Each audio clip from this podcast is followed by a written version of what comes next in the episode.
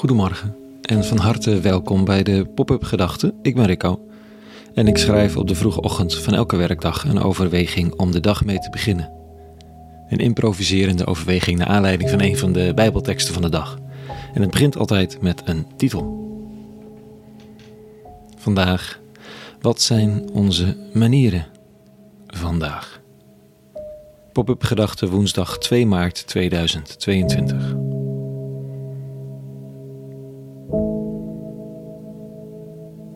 Wat doe je in oorlogstijd? Als het continent waar je woont volkomen in de ban is van een oorlog die elke dag opnieuw weer levens kost. Waar kortsachtig wordt vergaderd door alle machtshebbers, zowel politiek als in het bedrijfsleven, over het stoppen van de agressor en hoe te reageren. En dat laatste is de vraag van iedereen: hoe te reageren.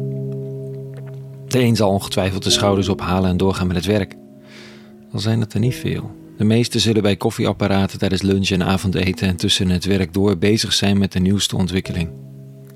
Aan het begin van een nieuwe Zoom-call vraagt iemand of er nog nieuws is, want hij heeft al een uur niet op zijn telefoon kunnen kijken om de live-blogs te verversen. En dan zijn er nog de hulpinitiatieven, waar ik gisteren over schreef. Het is overal om ons heen. Zo zijn onze manieren. En vandaag vraag ik me af, op basis van de lezing van de dag, of er ook nog een plek is voor rust, voor inkeer. Het is as woensdag namelijk. Tijd voor een askruisje, voor sommigen. En om dan te horen dat we stof zijn en tot stof zullen weerkeren. Een heftige tekst overigens in tijden van atoomdreiging. En belangrijk, want we waren al stof. Het leven was al eindig. En het niet bestaan wat ons wacht, ooit. Dat is niets nieuws, daar komen we vandaan. Dat we leven nu is een uitzondering. 80 jaar leven maar liefst. Voor sommigen. Maar dat is natuurlijk maar een vlekje op de ongelooflijke hoeveelheid jaren die de aarde oud is. We zijn er maar even. En in dat even voeren we dus oorlog. Waarbij het even van militairen en burgers verkort wordt omdat iemand macht over een ander wil uitoefenen. En dit dan de meest geëigende weg lijkt. En er geen andere een reactie daarop mogelijk lijkt dan eigen mensen opstellen en ook dood en verderf zaaien. Vandaag schrijft de profeet Joël, zo spreekt God de Heer. Keer tot mij terug.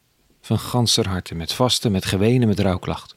Scheur uw hart en niet uw kleren. Keer terug tot de Heer uw God, want genadig is Hij en barmhartig en langmoedig en vol liefde en Hij heeft spijt over het onheil. Wie weet keert hij terug en krijgt hij spijt en laat hij dan zegen achter zich. Een meeloffer en een plengoffer voor de Heer uw God. Blaas de bezuin op Sion. Kondig een heilige vaste tijd af. Roep een plechtige bijeenkomst bijeen. Dat zijn de manieren van toen. Scheur uw hart. En hoe werkt dat? En waarheen moeten wij terugkeren? Want waar komen we vandaan dan? Kijk, onheil is aanwezig en voor Joël was het eenvoudig. Dat is de hand van God. Voor ons anno nu is dat een stuk ingewikkelder.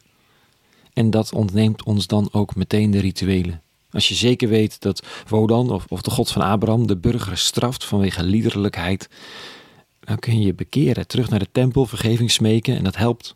In elk geval voor het hart, denk ik. Maar de seculiere mens, de denker, die weet het niet zo goed.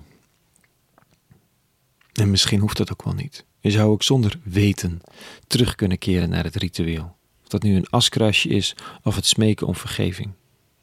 Al is het maar even. Dat we het beseffen, dat we beseffen dat we het verkloten als mens, steeds opnieuw. Dat de human propensity to fuck things up, de definitie van zonde volgens Francis Spafford, de menselijke neiging om de boel te verkloten, weer eens de overhand heeft gekregen. En dat we nu met mannenmacht proberen recht te zetten, te beschermen, slachtoffers op te vangen, paal en perk te stellen.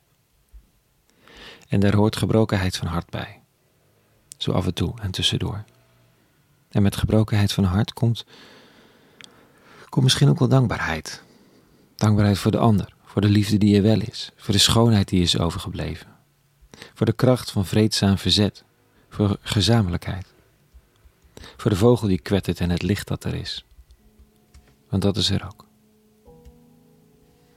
Dus ik presenteer vandaag met twee collega's een nieuw boek. Onzeker weten heet het. En misschien is het, even puur op de titel, dat wat wel een beetje rust kan geven. Onzeker weten. Niet de onzekerheid zelf, niet het weten zelf, maar een kwetsbaar, onzeker, zoekend weten. Dat verbinding en richting geeft, juist in tijden als deze.